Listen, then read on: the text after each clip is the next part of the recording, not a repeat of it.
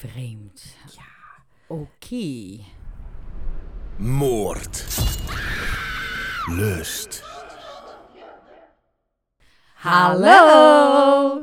Welkom bij een nieuwe aflevering van... Moordlust. Ja, leuk eh, dat jullie weer luisteren. Ja, Ik, altijd eh, gezellig. Altijd gezellig. Nou, zoals jullie nu ondertussen wel weten... Zo, Nee. Ja, hebben we een zomersponsor. Nou! Dit is wel de laatste aflevering van, Ja. eh, van onze samenwerking, maar wij vonden het fantastisch. Ja, ja, sowieso. Onze zomersponsor Beppie. Ja, oh ja, Beppie inderdaad. Ja. Met al hun innoverende, prachtige producten. Ja, dus mocht je nu nog steeds geen kijkje hebben genomen op de site, doe dat dan even. Dat linkje staat in de show notes. Oh de show en notes. onze kortingscode werkt ook nog als het goed is. Dus SMTWEE, E, hoofdletters SMT en dan kleine letters WEE. En eh, nou ja, kijk eens rond. En ik moet wel eerlijk zeggen, en dit is niet omdat het gesponsord is, maar ik kom hier net aan.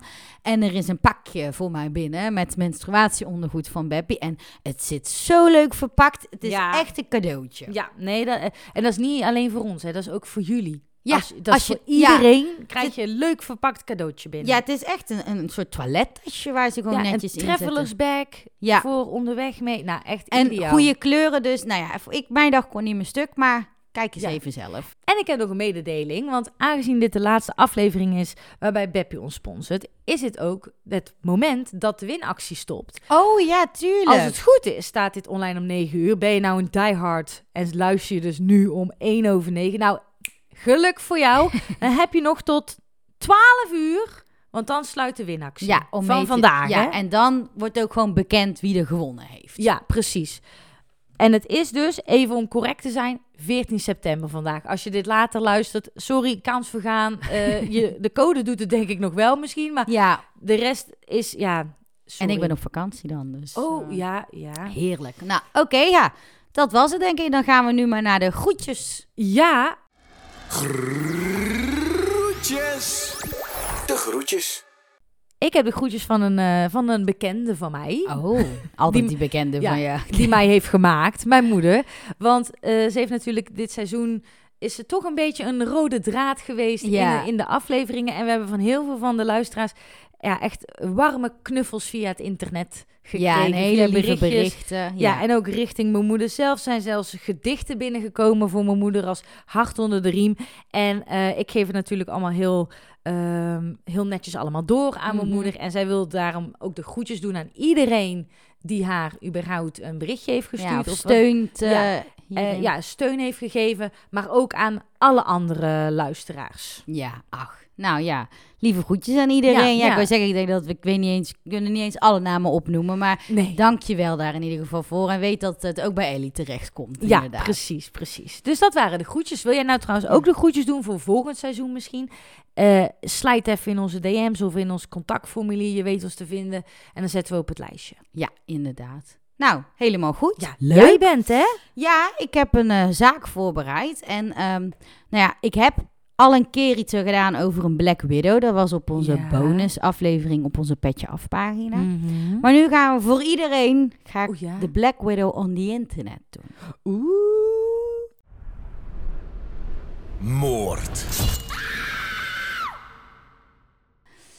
Nou, en het begint met een klein verhaaltje en dan gaan we verder de zaak in. Oeh. Want op het eerste gezicht leek Melissa en Shepard op een lieve, charmante oudere dame die gezelschap, gezelschap zocht na de tragische dood van haar man. Hmm. Met haar roze wangen, bril en onschuldige uiterlijk leek Melissa niet bepaald het type vrouw waar je bang voor zou moeten zijn. Nee. En toch, op 82-jarige leeftijd beschouwden de autoriteiten Melissa als gevaarlijk. Zelfs zo gevaarlijk dat ze voorbereidingen moesten treffen om de veiligheid van de mensen van het Halifax-gebied in Nova Scotia in Canada ehm, moesten waarschuwen of dat ze daar zeg maar, niet in veiligheid brachten toen zij vrijkwam.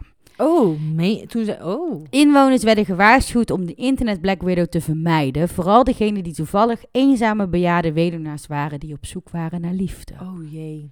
Ja, dan voel je hem al aankomen. Nou, ja. Nou, ik zal eerst vertellen, we beginnen bij het begin Ja. natuurlijk. Melissa Ann eh, werd geboren op 16 mei 1935 in Burn Church, New Br- Brunswick in Canada. Hey, Geen idee waar het ligt. en een keer trouwens, even om te benoemen. Ja, in en- Canada. ja, wel een buurland van Amerika. Ik maar goed, zeggen, we zitten Niet ver uit de richting, maar, toch. een keer wat anders, hè? Ja, en het, eh, het leek of ze een relatief normale, rustige jeugd gehad had. En er werd ook niet heel veel... Ja, er was niet heel veel info te vinden over echt die vroegere jaren. was ook in 35 Ja, er zal natuurlijk. niet heel veel data van zijn. Nee. Toen was ze denk ik nog niet de internet Black Widow. Nee, en eh, op 18-jarige leeftijd pakte ze haar spullen en verhuisde naar Ontario om bij haar tante te gaan wonen. Ja. Dus ik weet niet precies Misschien waarom. was het thuissituatie. Of Ja. woonden ze in een dorp en wilden ze richting de stad. Of Nou zo. ja, ze ging ook wel, ze voltooide ook wel daar school. Dus ik Mhm. denk dat ze misschien ook wel voor school daarheen ging. Oh ja. En eh, ze was aan de Stafford College. En ze trouwde in 1955 met haar eerste echtgenoot Russell Shepard. Waar ze Oh. die achternaam ook Ja. van had. Nou, het jonge stel woonde in Toronto en keek, kreeg uiteindelijk samen twee kinderen. Een zoon Mhm. en een dochter. Ook hier is niet heel veel bekend over de relatie tussen Melissa en, en Russell. Maar er waren wel wat zware tijden geweest. Omdat Russell een eh, diagnose van een bepaalde ziekte had gekregen. Hmm. Hij had Hod- Hodgkin Oh. lymfoom, een eh, kanker die begint in de witte bloedcellen. Ja. Nou, dat was natuurlijk een hele heftige ziekte. En in 1955 waren ze dan getrouwd. Het zal niet, ik weet niet precies wanneer dit was, maar andere medische wereld dan dat we nu Ja, natuurlijk precies, in ja. zitten. En ehm, door deze ziekte kon Russell natuurlijk ook niet meer werken. En was Mhm. de financiële situatie steeds krapper van het gezin. Waardoor Ja. Melissa ehm, ja, een beetje wanhopig werd. En eigenlijk ook illegale dingen ging doen. Hmm. Zo begon ze ongedekte checks uit te schrijven. En ehm, ging, ze daarin, ging ze daarin, weet je al, dat allemaal inleveren. Maar uiteindelijk komt er allemaal weer terug. Ja. Dus het was niet echt een hele slimme Nee. manier. Was het je Weet je wat ik dacht? Dat, ik dacht heel even ongedekte check. Ik denk gewoon eh, oude eh, witte vanille. Of weet Zware ja, vanille. zware. Dat ze check ging, een check ging uitdelen, Nee, zeg maar. nee, ja, Nee, misschien had dat meer checks, ja. Checks, Ja. ja. en ehm, rond 1971, 19 en tussen, ja, rond tussen 1971 en 1980, dus Ja. een beetje in dat tijdperk, werd Melissa ook beschuldigd voor meer dan 30 gevallen van fraude en valsheid Mm. in geschriften. Ze, met nabootsing van identiteit en dus ook die checks. Ja. Nou, Melissa werd hiervoor ook eh, veroordeeld en bracht uiteindelijk in totaal vijf jaar door in de gevangenis Oh, hiervoor. Vond ik wel, eh, vond ik wel heftig. ja, en ik denk dat Russell ondertussen overleden is. Of, Nee, Oh, volgens mij Oh. Nog niet. Ja, ik weet het eigenlijk niet zeker. Ik moet even verder kijken, want er komen zoveel namen voorbij dat ik het niet meer weet. Oh. Maar na haar vrijlating, vijf jaar later, keerde Melissa terug naar... Oh ja, wel, die leefde toen nog wel. oh. Naar haar man en kinderen in Russells geboorteplaats Montague. En eh, een tijdje leek het erop dat het eigenlijk wel beter ging. Hè? Dat ze dat criminele hoofdstuk wat afgesloten, weer de gezin bij elkaar, kinderen, de man. Mhm. En ehm, ze heeft denk ik ook nog een soort opleiding gedaan, want ze kreeg een vergunning om eh, ja, als makelaar te kunnen gaan werken. Dus Oh, in het ja. vastgoed, zeg Ja. maar. En dat ging een paar jaar lang ook best wel prima. Maar toen in 1988, wat weer drie jaar later was, Mhm. ontmoette eh, de 53-jarige Melissa een man genaamd Gordon Stewart. Hmm. Nou, Gordon die had onlangs afscheid genomen van het leger en woonde op Prince Edward Island. Er is blijkbaar ook iets in Canada, dat Ja. kwam heel vaak terug. Oh. En ehm, nadat een, een jaar daarvoor, dus Mhm. hij, Gordon had op een jaar daarvoor op tragische wijze zijn vrouw verloren aan Mm. kanker. Dus ik denk dat ze daarin ook wel een beetje Bonding bonden hadden. Ja. En ehm, het is zo dat, eh, nou ja, Gordon had wel wat aantal broers en zussen. En eh, die beschreven hem altijd als een eerbare, grappige man die eh, eh, nou, ja, heel goed gevoel voor humor had. En Gewoon, gewoon een leuke vent, Ja. die Gordon. dat, inderdaad. En volgens mij was hij ook wel gewoon eervol weggegaan bij het leger. Dus niet op Ja. een vervelende manier Nee, nee, of zo. Gewoon goed. En ehm, hij had ook een tatoeage op zijn, op zijn lip, op zijn Oh. onderlip, met zijn achternaam. En dat vond hij dan ook heel grappig om te showen. Zo, ja. Stewart zat dat dan. Ja, Ja. ja, Eh, stel je zou het vergeten, hè? Ja, Je kijkt in, nee, ja, nee, in de spiegel staat het in spiegelbeeld natuurlijk. ja, ik denk het wel. Ja, in het leger doen wel meer mensen natuurlijk dat ze hun achternaam heel groot tatoeëren. Voor als je gezond, gevonden wordt. Maar ja. ik weet niet of ik als eerste in een lip zou kijken. Ja, en dat, dat eh, vervaagt, hè? In je handen en in je Ja, lippen en om ja. je voeten, dat vervaagt weer. Dus dan Ja. moet je het weer bij blijven werken. Nou ja, en ehm, op het moment dat Melissa en Gordon elkaar ontmoetten via een blind date, was dat dus doordat ze eh, dat in een column The Lonely Hearts had. Hey. Of Eenzame Hart in Nederlands. Maar Ja. die kennen we van onze allereerste Ja, aflevering. En hij is zo. eens vaker teruggekomen. Ja. En nu zijn we bijna 80 afleveringen verder. Ja. Voor ja, ja. Oh. En eh, hij droeg ook nog steeds zijn trouwring, want hij had het heel moeilijk om verder te gaan, omdat zijn vrouw dat jaar daarvoor dus was overleden. Maar even, eh, Melissa, Melissa N, hoe moet ik haar noemen? Melissa N of Melissa? Melissa. Oh, is goed. Eh, fijn dat ze dat oké Mhm. vindt. Ehm, die heeft nog wel met Russell. Ja, Ze ja, is daar dus komen we actief aan het eh, Ja. vreemd gaan hier. Ja, Oh, maar er was iets in, ehm, in Melissa dat Gordon van overtuigde van ik kan weer geluk vinden. Eindelijk weet je, nadat hij dat jaar zo zwaar had gehad, dacht hij hier kan ik wel wat geluk mee vinden.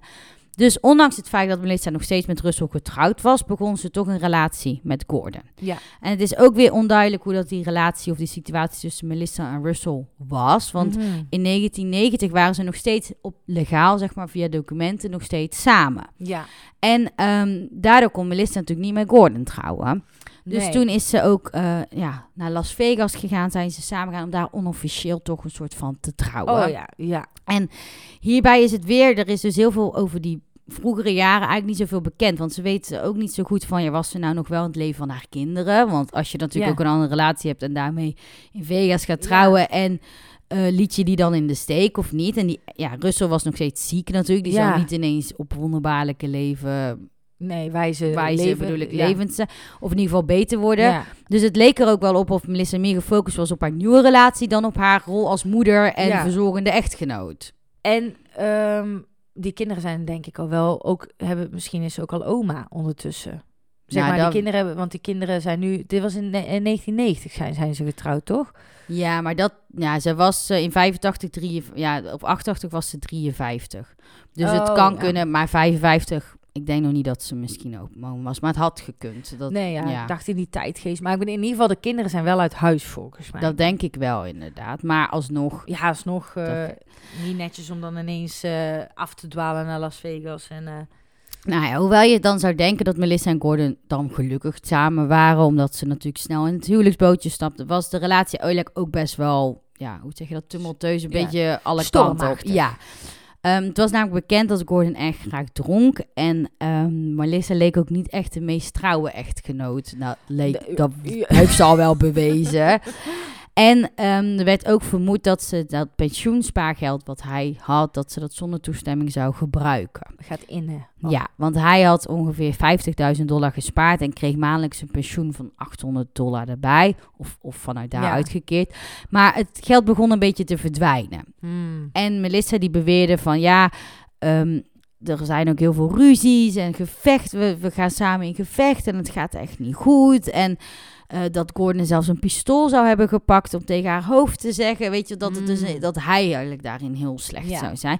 En eh, de enige reden dat ze het overleefde was omdat het pistool vastliep, zegt ze. Oh ja. En ehm daar heeft ze dus ook bij de politie aangegeven. En daardoor verloor Gordon ook zijn recht om een wapen te bezitten voor de komende Oh. vijf jaar. Maar dat was al, ja, het was allemaal een beetje Ja. vreemd. En er was ook een ander incident. En dat was op 23 december 1990. Dus we zijn nog niet eens een jaar verder of zo. En toen ehm, werd Gordon gevonden in zijn appartement. Maar hij had allemaal schuim op zijn mond Oei. en waanvoorstellingen. En hij werd met spoed naar het ziekenhuis gebracht, waar ze gelukkig gelijk eh, laboratoriumtest deden. En het bleek dat hij een hele grote hoeveelheid benzodiazepine in zijn Oh. systeem had. Wat, waar geen logische verklaring voor was. Nee. Hij had die medicijn nooit voorgeschreven gekregen. En hij zegt ook zelf dat hij dat nooit had gebruikt. En Mhm. ehm, nou ja, een overdosis daarvan kan natuurlijk heel gevaarlijk Ja, zijn. En eh, vooral in combinatie met alcohol. Ja, ja, dat zijn ook twee graag. natuurlijk. Ja. En Gordon werd uit het ziekenhuis ontslagen, maar hij kreeg heel veel argwaan mm, wegens Melissa. Wat ik me heel goed Ik kan voorstellen. Dat kan me wel goed voorstellen, ja. En eh, op een gegeven moment bleven die ruzies maar gaan en waren er, kwamen er steeds meer beschuldigingen over en weer. En ehm, uiteindelijk werd, is het toch tot een gevecht gekomen in 1991. En Gordon die had zijn vrouw toen geslagen, waardoor Melissa dat meteen bij de politie aan ging geven. Mhm.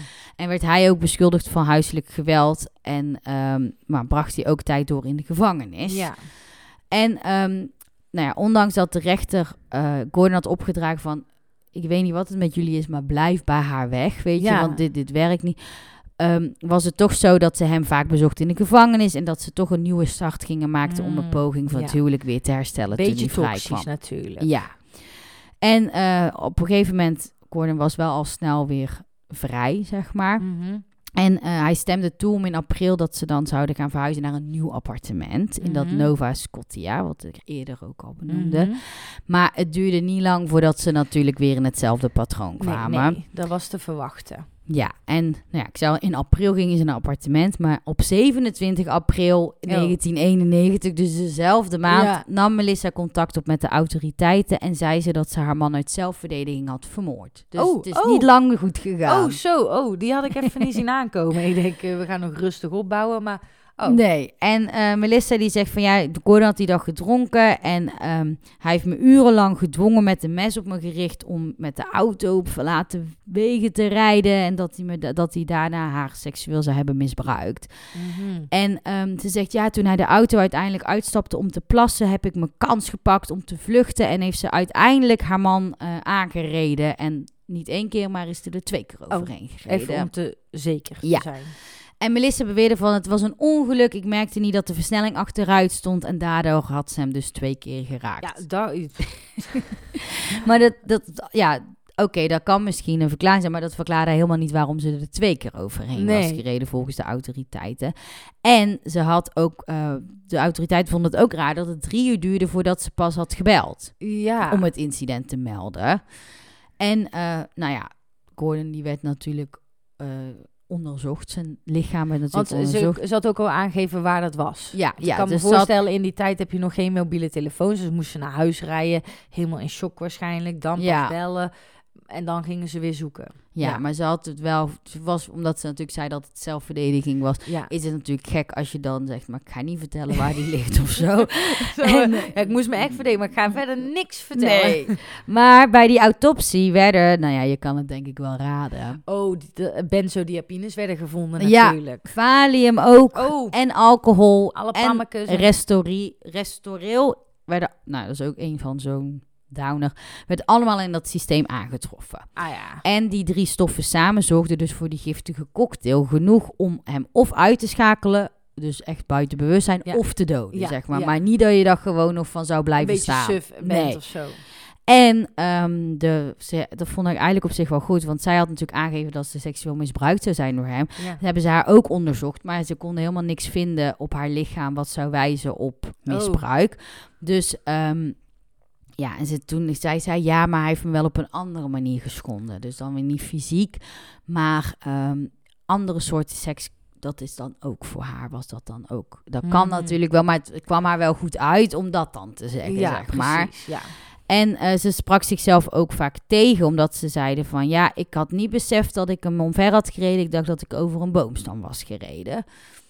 Dus het was Ah. allemaal... En daarna eerst zei ze wel van... ja, ik reed achteruit, toen reed ik hem aan. Weet je, ze, ze ja, wist het het, was zelf. geen eh, kloppend verhaal. En ik denk, een boomstam, dat moet toch anders voelen? Ja, dat is ja, misschien ja. heel En maar... ik denk dat een boomstam, die geeft, dat geeft niet meer. Daar kom je eigenlijk bijna moeilijk overheen ook. Ja. Überhaupt. Of geval, ik zie zo'n dikke boomstam voor me. ja, ik, met En, mijn eh, autootje lukt dat Nee, niet. dat gaat sowieso. Als je eerste wiel eroverheen is, knalt je onderkant er tegenaan, zit je vast. En bij een lichaam, ja, hoe cru dat ook is, dat, dat zakt allemaal in. Ja, Of dat, ja, dat nou ja, en het was ook zo... meer, ja, dat er uiteindelijk dus ook twee getuigen waren... die hadden gezien dat Gordon twee keer werd aangereden... ja.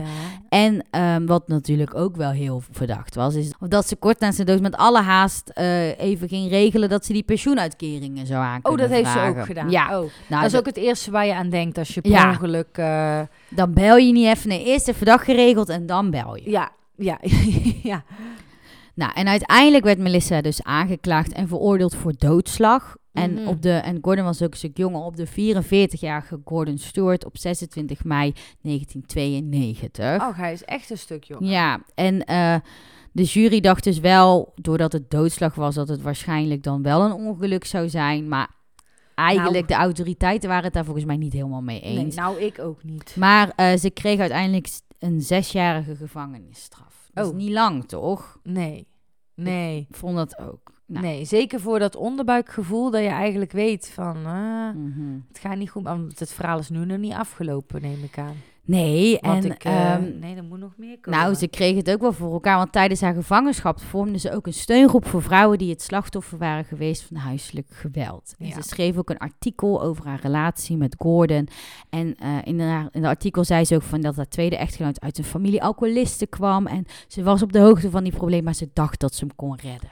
Oh, dat standaard. eh, ja. ja. dus ehm, De, of nou, ik zeg standaard, dat hoor je vaak. En ik vind het vervelend dat je, ik, of in ieder geval ik denk, dat zij gebruik maakt van het standaard verhaal om dan sympathie te krijgen Ja. van iedereen, zeg maar. En nou ja, er was natuurlijk inderdaad haar versie van het verhaal. Maar de familie van Gordon was het daar helemaal niet mee eens. En Nee. die zeiden van hij is zelf het slachtoffer van haar Ja. geworden. En niet andersom. Maar ja, wat de waarheid ook was. Ja, dat zijn altijd twee verhalen tegen elkaar Ja. natuurlijk. Maar zij werd al wel na slechts twee jaar eh, vrijgelaten. oh. Oh, Waarschijnlijk door de. gedrag Ja, maar eigenlijk was het heel raar, omdat. eh, dat, dat het best wel ongewoon was, omdat je normaal wel die derde van de tijd had uitwitten. Ja. Daar heeft ze dan wel van de zes jaar. Ja. Maar het was ook nog, ja, alsnog vonden de autoriteiten toch bijna knap dat ze het voor elkaar hadden. Want in Canada Ja. was dat helemaal niet zo gebruikelijk, zeg Nee, maar. nee. Want normaal zou je ook tussen de 4 en 15 jaar krijgen voor doodslag. Dan kreeg Dus ze wel die zat al zes. echt onderaan. Ja, dus er was niemand, het was niet bevredigend voor iemand volgens mij. En heel even, maar ik, waarschijnlijk is hier geen data van. Ru eh, Russell in het hele verhaal. Geen idee. Ik verwacht dat hij is overleden, want Hodgkin is enigszins wel... eh, Ja, volgens mij ook wel. Maar ja, en die kinderen komen ook nooit meer terug. Nee. Dus Op zich fijn voor, Voor hen, hem, Hè? ja. Ja, voordat ze niet overal eh, in beeld komen in nieuwsbladen Ja. bladen en met naam en toenaam. En, dat op zich wel inderdaad. dus dat is wel fijn voor ze. Na haar vrijlating toerde Melissa door Canada, waar ze natuurlijk sprak over het mishandelde vrouwensyndroom en het verdedigen. Oh, eh, echt toeren. Ja, Ik dacht gewoon, ze pakte de auto, ging even nee, lekker ze ging echt rijden, op tour. ze werd oh, ook geïnterviewd voor de documentaire When Woman Kill. En uiteindelijk eh, klaagde ze ook The Guardians, eh, Barb, Ja. zo'n- een, andere journalist volgens mij aan vanwege een artikel. Want ze zei ja, in het artikel lijkt het of ze twijfelen aan mijn waarheidsgetrouwheid. En eh, daar was ze het Mhm. natuurlijk niet meer mee eens. Nee. En zij was echt de, de advocate, dus de Ja. spreker van deze mishandelde vrouwen. En hier hield ze zich ook heel erg mee bezig. Ja. Dus ze zette ook een gratis advieslijn op voor vrouwen die problemen hadden in de gevangenis, genaamd Project Another Chance. En ontving zelfs een beurs van de overheid om andere overlevenden van huiselijk geweld te helpen. Nou, eh, buiten, buiten, denk ik, haar beweegredenen. Mooi dat ze dit allemaal op heeft weten te kunnen ja, zetten. maar ik vind het, ja, het is hoe wel. zij er eh, zelf in staat natuurlijk. eh, ze is ruk, niet maar- helemaal goed daarin, denk ik. Want, nee, ehm, want uiteindelijk had ze nog wel meer nodig in de leven. Het was niet fulfilling genoeg. nee. Dus ehm, in april 2000 reisde de toen al 66-jarige Melissa naar Florida, waar ze een, dus naar Amerika, Mhm. waar ze een man genaamd Robert Friedrich ontmoette tijdens een christelijke retreat. Mm. Volgens Melissa, eh, toen ze Robert met de pastoor op het podium zag staan, sprak de heilige tot haar en zei ze, deze man wordt jouw nieuwe echtgenoot. Oh, ja. Robert die was toen al 80 en zijn vrouw van 53 jaar eh, had hij verloren aan borstkanker. Ach. Dus weer iemand die Ja, een vrouw aan kanker verloren. ja. En dat was 14 maanden voor die retret, eh, ja, was dat gebeurd. Oh ja. En eh, later ontving hij ook een brief van Melissa met een foto van haar en de boodschap: God wil dat wij trouwen. Oh, pff. Zo, dat is eh, direct Ja. aanpak, toch? Eh, nee. Nou, uiteindelijk eh, reageerde Robert in mei 2000, dus een maand later, op Ja. de brief van Melissa en vroeg van kunnen we elkaar dan in juni ontmoeten of Nou, ja, bezoeken. ja. Nou, Logisch dat je elkaar eerst even Nou, spreken. het leek erop dat het goed klikte, want na slechts drie dagen samen verloofden ze zich. oh, Drie dagen. ja. Dat is wel erg snel. Ja, ja, de tijd tikt misschien, hè? 80 jaar Ja. en 66 jaar. Je denkt, nou, weet je, we, doen, we, we leven. Nou ja, en hij had, eh, hij, Robert had drie kinderen en die beschreven later ook dat ze, hun vader echt heel erg blij was met de relatie en blij dat hij niet meer alleen was en dat hij weer iemand had voor de rest van zijn leven. Ja, Dat ja. is natuurlijk op die leeftijd misschien wel dat je gewoon een maatje wil eh, Ja, oh, vinden. Ja, en, en de rest van je leven. Ja, is niet zo lang meer. Nee, als we naar de gemiddelde leeftijd van de man kijken, zat hij er al Ja. eh, bijna overheen, toch? Ja. Maar hoewel de kinderen van Robert wel blij voor hem waren, konden ze ook niet anders dan het gevoel hebben dat Melissa bijbedoelingen had. Mhm. Want een vader was geen arme man. En omdat het zo snel ging, dachten ze misschien is er wel een golddigger. Ja. Maar eh, niets kon hem of hun beiden van gedachten doen veranderen. Want op 23 juni Oh. 2000 trouwden ze. Ah, ja. En eh, trok ze ook bij haar derde echtgenoot in, in Florida. Mhm. Nou, het pasgetrouwde stel ging het volgende jaar ook op reis. En eh, tijdens dat jaar of die verlengde huwelijksreis, want het was telkens oh, daarvoor, daarvoor, Ja. merkten de kinderen van Robert wel dat zijn gezondheid in een alarmerend tempo achteruit ging. Mm. Hij sprak vaak onduidelijk, had last van flauwvallen en opeens had hij ook een rollator, terwijl hij altijd prima kon lopen. En de symptomen leken telkens wanneer de familie van Robert hem bezocht te verminderen, maar weer erger als hij alleen met Melissa was, zeg maar. Dus dat was Ja. heel opvallend. Ja. En ehm, de, Ik zit heel even te denken trouwens. Het is nu, nu zij met, met hem getrouwd is, is het bijna zeker dat ze dan met Russell, eh, dat, dat die is overleden. Want dan heb je natuurlijk, dan is ze niet meer ja, getrouwd. het is wel weer in een ander land natuurlijk. Dus ik weet niet hoe dat ze Oh, dat ja. heeft gedaan. Oh ja, ja. Want misschien, maar ik denk het wel Ja. inderdaad het ondertussen. Maar ja, ze is natuurlijk met die worden toen ook in eh, Las, Las Vegas getrouwd. En ja. ik weet ze allemaal het wel uit. Ja, maar de situatie werd ook zo erg dat een van de zonen van Robert, Bob, ehm, zei van, ik weet niet, eh, hij had ook de, de oudere, hoe zeg je dat, abuse, oudere mishandeling lijn, dat is blijkbaar, Ja. daar had hij ook gebeld van het gaat niet goed en ik, ik wil eigenlijk een klacht indienen tegen Melissa, want ik denk niet dat zij die zorg voor mijn vader goed doet. Ja, Nou, Melissa kwam hier erachter, was hij natuurlijk niet echt blij mee. nee. En ehm, nou ja, ze had hem dus ook boos opgebeld en ook gezegd van ja, ik ga, je vader gaat zijn testament wijzigen, omdat ze dus zo boos was dat, dat hij die klacht had ingediend. En eh, jullie gaan niks meer krijgen. Oh, ja, dat kwam er ook goed uit dan. Ja. En dat waren ook niet zomaar loze woorden, want er was een soort voicemail wat ze had ingesproken.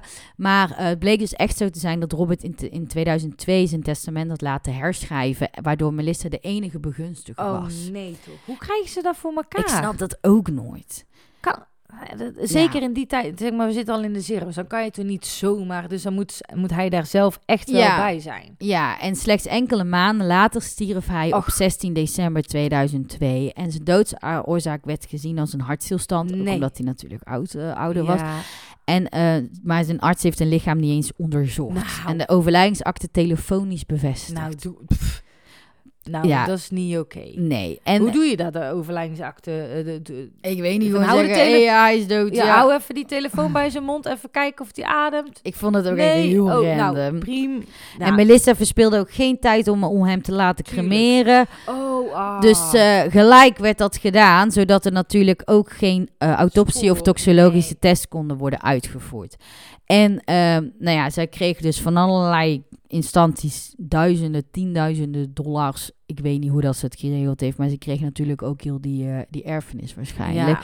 En ze keerde terug naar dat Prince Edward Island in Canada, waar ze dus met Gordon volgens mij eerst eh, Ja, woonde. En ehm, ze bleef wel nog steeds heel veel reizen tussen Canada en de VS. Dus ik denk dat ze misschien dat huis in Florida ook nog wel had of Mhm. zo.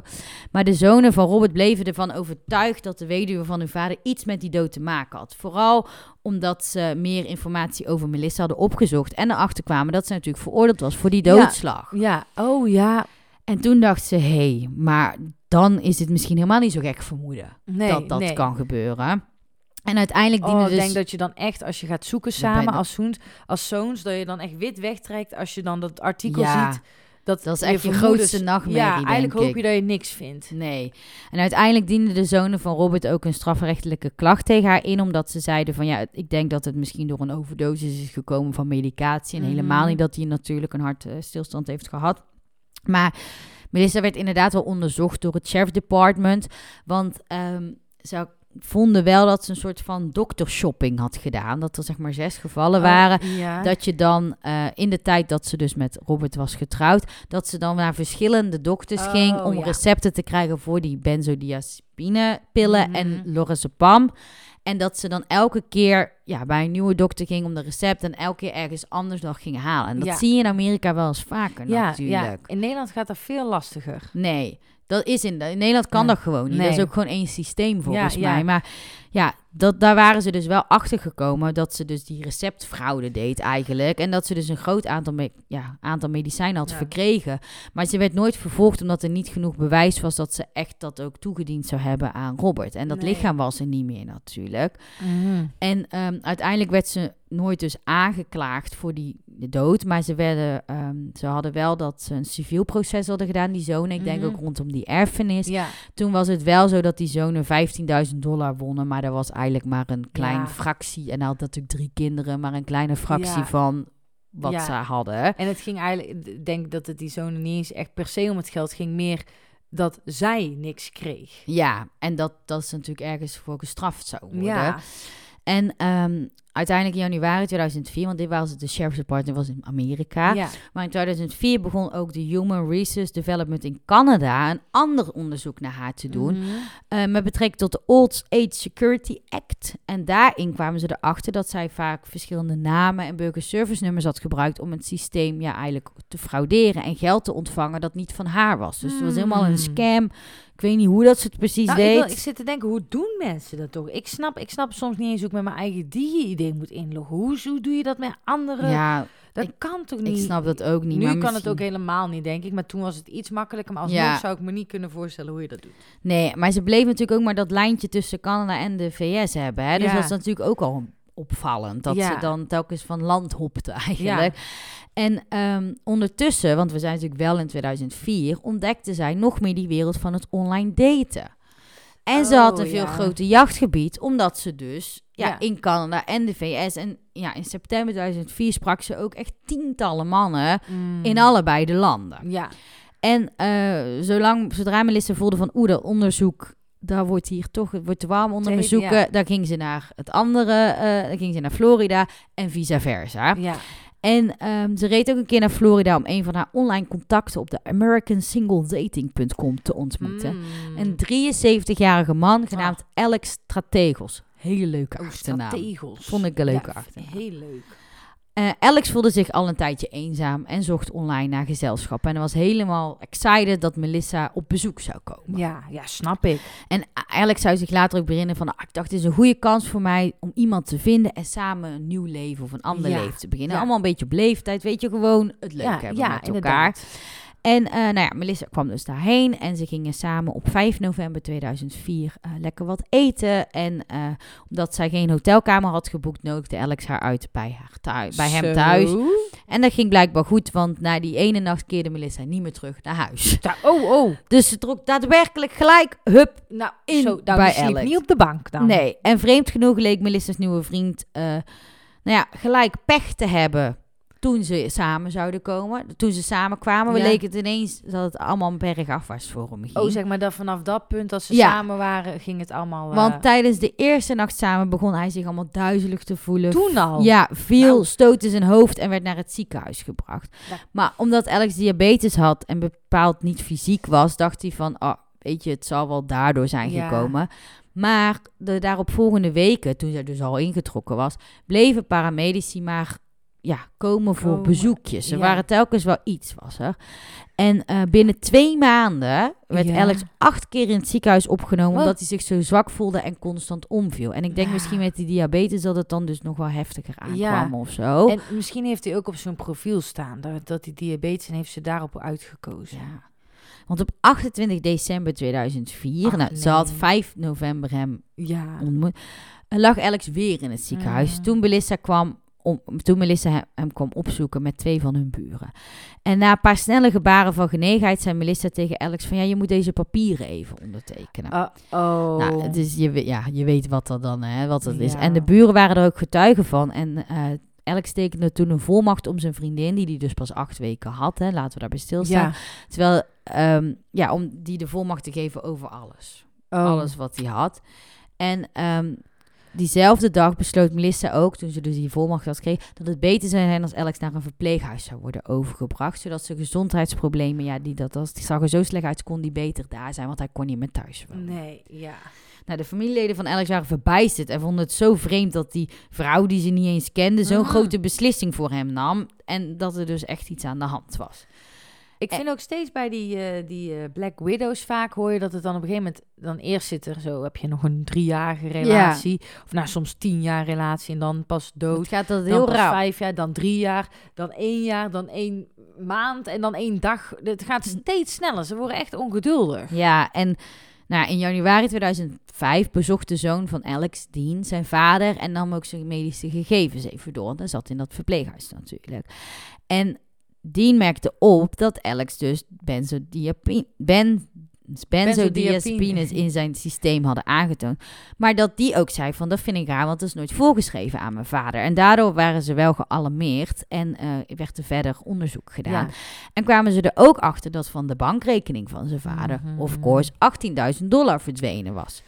Op dat moment besefte Dien van, oké, nu moet ik naar de politie gaan, want iemand is aan het fucken met mijn vader Ja. en dit, dit klopt niet Nee. helemaal. Niet fokken met mijn vader, Nee. inderdaad. Nou, op 6 januari eh, 2005, dus dat is echt, was dus in de eerste week gebeurd van januari Ja. dat die zoon uitkwam. Dus er was heel snel gehandeld. Mhm. Werd Melissa gearresteerd en beschuldigd van uitbuiting van ouderen, diefstal en valsheid in Oh, wat geschrift. goed. Nogmaals, er was geen bewijs dat ze zeg maar echt vergiftigd had. Net als dat het bij, eigenlijk bij, bij Robert zo was. Ja. Dat er geen, wij- maar dat kon wel bewezen Ja. worden. En de politie concludeerde dat Melissa haar volmacht had eh, gekregen van Alex. Terwijl haar eigenlijk in een, ja, een toestand verkeerde dat hij dat helemaal niet Nee, mocht en kon doen. dat kan je toch helemaal niet tekenen dan? En eh, dat ook dat zij had ook het spaargeld van haar vriend overgemaakt naar haar eigen bankrekening. En ze werd natuurlijk Mm. in Canada ook nog eens beschuldigd voor eh, oplichting van de regering voor meer dan 30.000 Ja, euro. oh. Dus het was ja alle kanten oplichting, oplichting, oplichting. En eh, die in Canada hadden ook in februari 2005, dus een maand later, hun onderzoek afgerond. En daarin was alles kwam een beetje samen. Ja. Want die misdrijven in Canada vonden ook plaats tussen 1999 en 2003. En dit was nu in 2005, weet je wel. Dus ze zagen ook van, ze is niet nooit gestopt Nee, nee, zo. nee. Nou, op 14 maart 2005 pleitte Melissa wel schuldig aan zeven aanklachten in verband met wat er met Alex was gebeurd. Oh, Waaronder drie gevallen van grote diefstal eh, van een persoon van 65 jaar of ouder. Ja. En twee gevallen, van, twee gevallen van valsheid in geschriften. En twee gevallen van het gebruik van een vervalst document. Dus het was alleen maar wel schuldig over dat ze dat gedaan. Maar ja, je kan dat bijna niet ontkennen. Ik wou zeggen, ja, ik. zit ook te denken, dat kan je ook bijna niet ontkennen. Maar waarschijnlijk heeft ze niet over dat vergiftigen gezegd. Nee, want vanwege haar pleidooi-overeenkomst eh, werd ze veroordeeld voor vijf jaar gevangenisstraf. Dus ze Mm. zal wel een deal hebben eh, Ja. gedaan. En ehm, ondanks dat ze dus wel schuldig pleitte, beweerde ze later wel dat er verkeerde cijfers gebruikt waren. En dat ze Oh, nooit ja. 18.000 euro van hem had gehad, maar dat het een ander 18 euro. zoiets moest zijn. Het was maar 18 euro. ja, en daarin bleef ze heel tijd zeuren over de getallen. Oh ja. Want iemand anders zei weer, ja, 13.000. En toen zei ze, ja, maar dat is toch minder dan 18.000. Dus er is iets fout, want iedereen zegt andere getallen, weet je. Maar dat is een Allemaal beetje rookgordijnen. rookgordijnen. Ja. En tijdens, dat zei ze ook tijdens een interview. En tijdens het interview zei ze ook van... ehm, dat ze niet kan zeggen dat ze Alex niet persoonlijk die, heeft, die pillen heeft gegeven. Oh, ik vind dubbel ont... Ze kan niet zeggen... Ja, dat ze niet kan zeggen dat ze Alex niet persoonlijk die pillen heeft gegeven. Oh ja, niet, niet. Dus eigenlijk zegt ze van, ja, Misschien, ja. misschien wel. Ja, en Alex zelf die had ook een theorie hoe dat het allemaal gebeurde. Want Alex leefde nog ja, natuurlijk. Oh, hij heeft het gered natuurlijk. Hij zei, als ik naar bed ging, bracht ze me een schaaltje ijs. Niet meer dan dat, gewoon een klein bekertje ijs. Met een, eh, met, ja, misschien heeft ze daar dan een paar theelepeltjes in gedaan of zo. Ja. En ze bracht het dan naar de slaapkamer en begon me te voeren. En ik Oh. denk dat er dus drugs in zat, want eh, daarna als ik dan naar de badkamer ging, dan viel ik plat neer. Oh, ja. En dus elke keer was dat schaaltje ijs een soort van terugkomend Mhm. iets. Nou, op 4 april 2009. Oh ja, dus even een ze heeft- paar ja, ze heeft niet die vijf jaar gezeten, maar die vier jaar dan, denk ik. Mhm. Of ja, vier jaar, want Ja. vijf.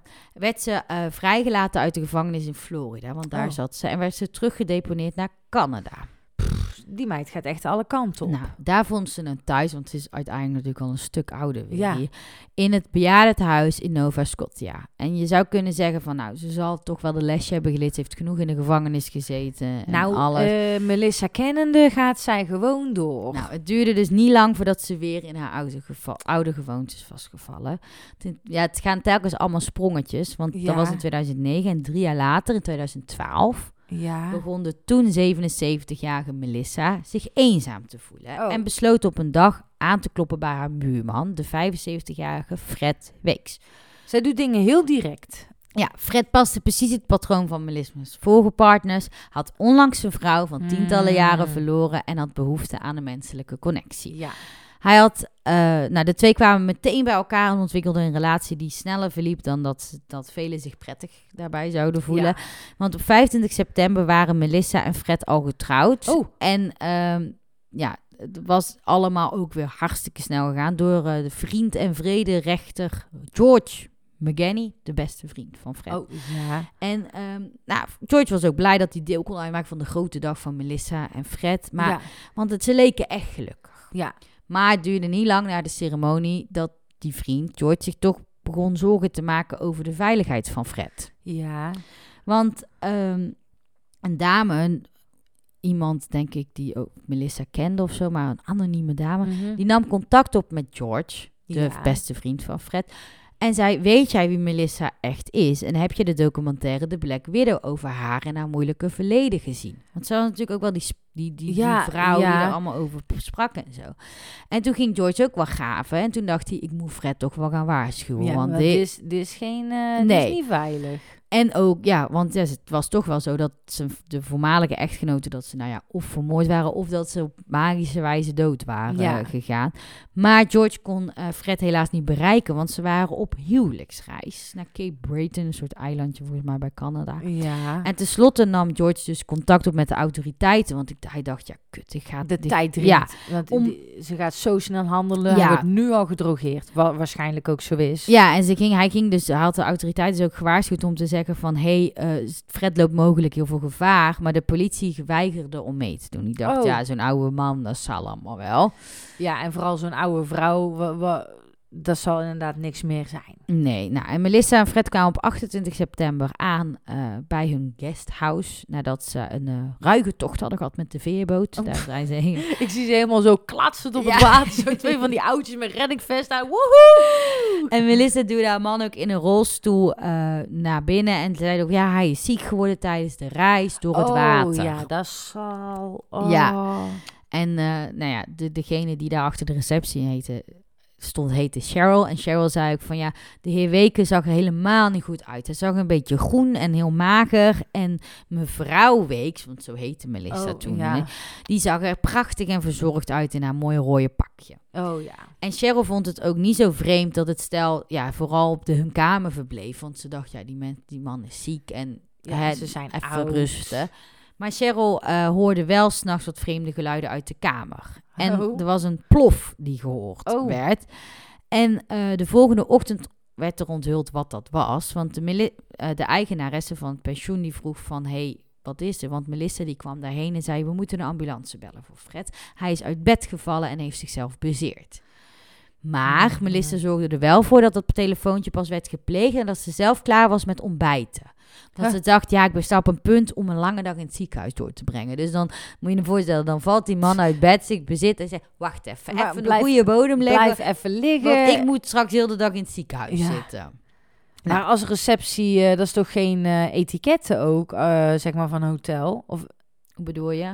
Oh, zij wisten nog niet dat... Oké, Nee. ik dacht... Oh, ja, Zij, nee. Melissa kwam dat laten vertellen, Ja. maar zij wist niet. Ze hadden wel iets gehoord, maar Ja, nee, oké. je gaat dan niet ineens die kamer binnen. Nee, ik dacht zo. dat het nog erger was. Ik dacht dat ze naar de receptie ging. Ja, Fred is uit bed Oh, gevallen, maar nee. bel zo meteen. Ik ga eerst even wat Nee, ontbijten. ze zei het zelf pas na het ontbijt. Ja, oké. En eh, de mensen van, die kwamen met de ambulance, die vonden dus een gedesoriënteerde Fred op de vloer van de kamer liggen. En Ja. hij werd ook naar het ziekenhuis gebracht, waar zijn bezorgde vrouw naast hem bleef. Ja. En ehm, ze vertelde elke verpleegkundige die ze tegenkwam dat haar man aan dementie leed en dat eh, zij alles was wat, wat, wat, eh, wat hij had, want hij was, zou kinderloos zijn geweest. Maar dat was helemaal niet, want Nee. Fred had gewoon een zoon en een dochter en die wisten dat zijn vader geen medische problemen had en hij helemaal geen dementie had. Nee. En ehm, bl- blijkbaar had Melissa een soort van valse beweringen over Fred verteld. Ook aan die buren in de seniorenflat. Dat er dus dat die ziek zou zijn. Of zo. Ja, Maar dat ja. was helemaal niet. En toen de verdenkingen dus toenamen. Denk dat ze die kinderen uiteindelijk ook Mhm. gesproken hebben. Werd Fred, Fred zijn bloed getest. En ehm, ja de resultaten onthulden een zware dosis kalmerende middelen in zijn systeem. Nou, Waarom blijft ze ook bij hetzelfde trucje? Verander dat dan ook Ja, dat snap ik ook niet. Maar na ontdekking werd Melissa gearresteerd en doorzocht de politie het huis dat ze deelde met haar man. En de onderzoekers vonden 144 tabletten lorazepam, talloze lege flessen zonder etiket, recepten van vijf verschillende artsen en verschillende identiteitsdocumenten met verschillende namen. Melissa werd Melissa. Ja, ze werd uiteindelijk beschuldigd van poging tot moord en het toedienen van een schadelijke stof. Ondertussen herstelde Fred zich gelukkig eh, en eh, kan hij zich ook nog maar weinig herinneren van wat er gebeurd was tussen de bruiloft en het moment dat hij wakker werd in het ziekenhuis.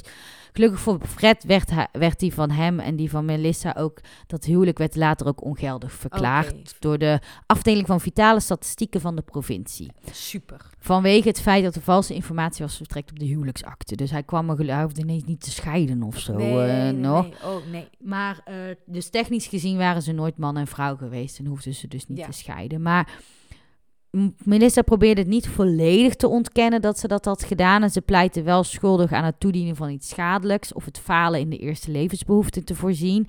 Om de aanklacht wegens poging tot moord weer te kunnen vermijden. Dus ze was Ja. altijd van ik geef een beetje. Maar om van alles te ontwijken. Ja. ja. En Melissa werd opnieuw veroordeeld tot gevangenisstraf. Dit keer voor 3,5 jaar gevolgd. Ja, Huh? weinig Je hè. zou toch zeggen, drie keer schreef ze- Hebben ze niet door dat deze Nee. vrouw gewoon... En de eh, opperrechter, Joseph Philip Kennedy, die zei ook... mensen die contact hebben met deze dame moeten oppassen. Ja. Maar ja. dan geef je toch in 3,5 jaar? Nee. Hoe oud was ze nu onderhand? Even kijken hoor. Nou, ze werd, er was dus ehm, in 2016 was ze 82. Want Ja. toen de 82-jarige Melissa uiteindelijk op 18 maart 2016 werd vrijgelaten. Dus ze Oh, werd ja. weer vrijgelaten. Troffen de autoriteiten ehm, voorbereidingen om dus de gemeenschap, wat ik helemaal aan het begin zei, Ja. veilig te houden. Ze krijgt een lijst eh, met, ze kreeg een lijst van meer dan 20 voorwaarden mee waar zij zich aan moest houden tijdens haar vrijlating. En ook een avondklok van 11 uur. Verboden toegang op het internet, omdat ze daar natuurlijk slachtoffers op zocht. Ja. Geen contact met slachtoffers en hun familie. En geen recepten voor bepaalde medicijnen. Dat waren hun maatregelen. Ja. En ze moest ook de politie op de hoogte stellen wanneer ze iets aan haar uiterlijk veranderde. Of wanneer ze een intieme relatie aanging. Ja. Zodat ze de partners ook over haar verleden konden informeren. Ja. Maar ehm, ja, ze zeiden wel van het is gewoonlijk dat bij deze overtreders dat er een hoog risico is dat het weer gebeurt. Dus we houden daar in de gaten. En eh, vooral naar oudere mannen toe, zeg maar. Ja. Maar ehm, Fred, die dus dat korte huwelijk had gehad, die het overleefd had, die zei: Ja, ik maak me echt zorgen over de openbare veiligheid. En Ja. ze is een vlotte actrice. Ze hield me lange tijd in het ongewisse en vertelde me haar verhalen. Alles was een verhaal, alles was een leugen. En Ja. ik zou niet willen dat, me- dat ze bij mijn vrienden in de buurt zou komen. Nee, dus hij nee. was het er ook niet helemaal mee eens, natuurlijk. Nee. En ehm, het leek erop dat ze zich wel grotendeels aan de regels hield en niemand lastig viel naar haar vrijlating. Maar slechts een maand later, op 11 april Nou. 2016, werd ze gespot in de centrale bibliotheek van Halifax terwijl ze op het internet zat. Oh, maar dat mocht natuurlijk niet. En ze had ook een apparaat in haar bezit waarmee ze op internet kon surfen. Ik denk misschien wel een telefoon. Een En ehm, dat betekende dat ze niet slechts één, maar twee van haar vrijlatingsvoorwaarden schond. Eh, want dat, ze mocht dus ook niks op zak hebben, Nee. blijkbaar.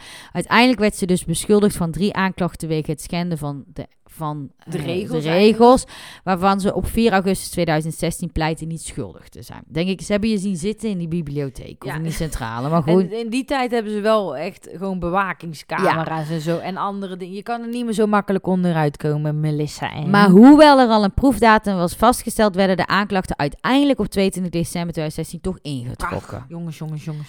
Dus ja, het was heel raar, want ze zei ook van, ehm, van hoeveel bedreiging vormt zij nu echt voor de samenleving. En het CBC, dat zal wel een Canadese zender zijn, Ja. vroeg haar ook in 2005 nog of ze haar gedrag kon veranderen. En toen had Melissa geantwoord, ik kan niet zeggen dat ik vanaf nu een perfecte burger zal zijn, maar ik ga dag in dag uit proberen mezelf te gedragen en te doen wat ik al die tijd had moeten doen. Maar ik kan niet zeggen dat de uitkomst zal zijn van hoe mijn leven zal eindigen. Ah, ah, ah.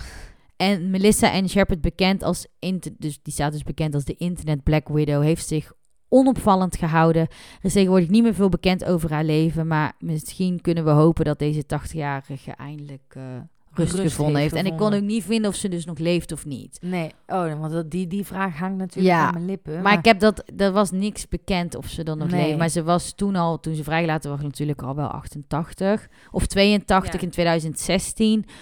Dus ja, ze is natuurlijk nu dan wel al 89. Dus Ja. Maar alsnog. Oh. Nee, maar dom ook dat je dan de hele tijd hetzelfde blijft doen. Ja, maar dat zien we vaker natuurlijk. Maar ja, en zeker bij die Black Widows, dat elke, wat we al zeiden, elke keer korter dat ze bij elkaar blijven en hetzelfde strategie aanhouden. En ik vind het zo raar dat ze zo vroeg eigenlijk steeds vrij is gekomen. Want zij is alsnog zij is niet een, een, een, een moordenaar die eh, heel gewelddadig is fysiek of zo. En voor- Maar zij is...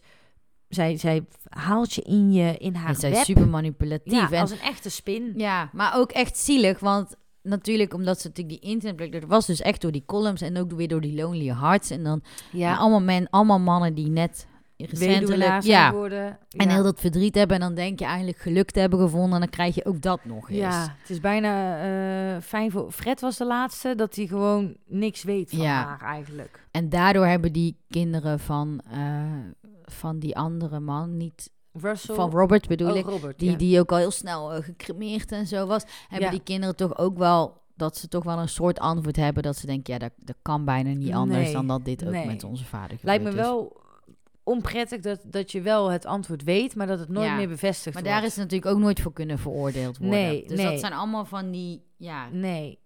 gekke Nou. verhalen. Maar ja, dan ook op die leeftijd nog, dan denk ik, op een gegeven moment ben je er toch klaar Ja, dan ben je toch ook moe? Goh, ik zou me niet kunnen voorstellen dat je dan helemaal eh, elke keer dat bakje ijs moet maken. Dat is al te veel moeite. nee, oh, nou. Maar goed, En dat- even, even voor mij, ze heeft uiteindelijk twee mensen vermoord dan.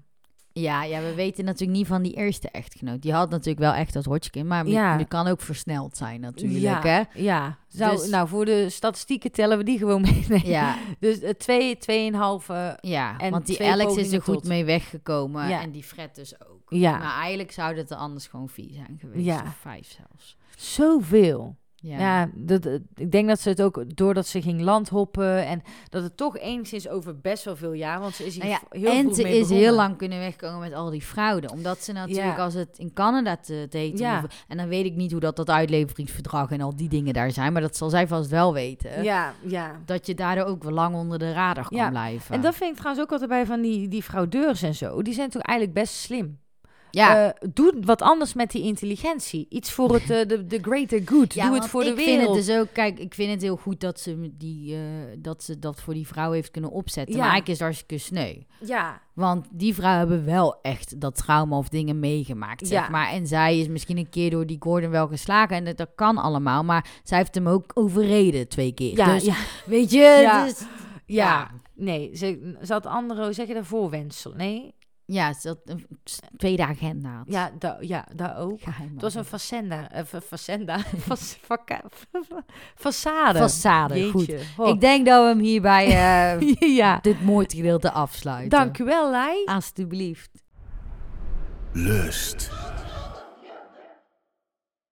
Ja, en dit was eigenlijk de laatste volledige zaak van dit seizoen. weer. Ja, ik besef het me net ja eventjes. ik ook. Daarom ik had ook niet verder veel lust voorbereid. Ik dacht, ik wil even helemaal, een ik, helemaal, ik aan het huilen nou. Ja, en ook de laatste aflevering in samenwerking met Beppie. Het dat is, is, echt... nog. Wat een, wat een verdriet allemaal.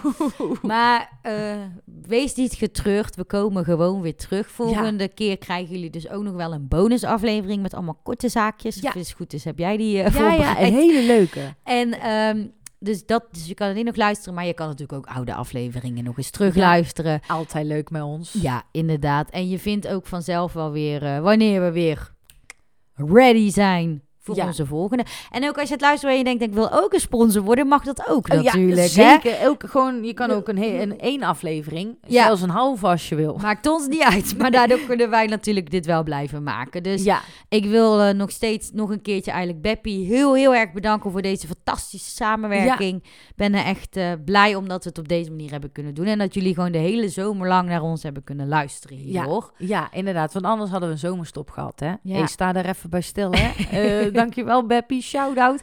En onze code, wat ik zei, ik denk dat je die... Stel je luistert dit in 2025, probeer het gewoon nog Oh ja, even. ja, anders mail even van Ja, hey, die code werkt Ja, ja, S-M-T-W-E-E. Van Ja, die, die staat in de show notes. Ja, ja, die.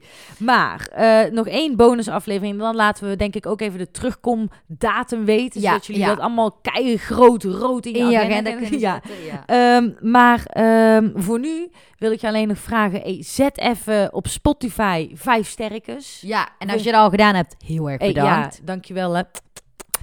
Eh, want ze, ze, we schieten Nou ja, wij hadden lang niet gekeken. Nou. we waren zo blij. Er waren echt 150 meer of Ja, zo. we zijn echt rising stars. Ehm, eh, dus doe dat sowieso even. En slijt in onze DM's, in ons contactformulier op www.seksologen met 2.nl of waar je ons dan ook onze Instagram.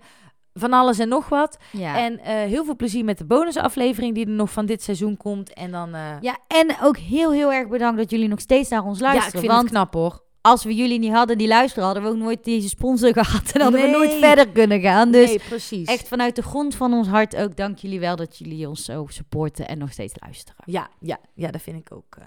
Oké, heel nou, veel helemaal emo dit. Ja. Ja, oh. Nou, eh, tot de laatste bonus dan nog. En daarna kom komen we gewoon weer bij jullie terug. ja, Oké. dikke kus. Doei, doei. doei.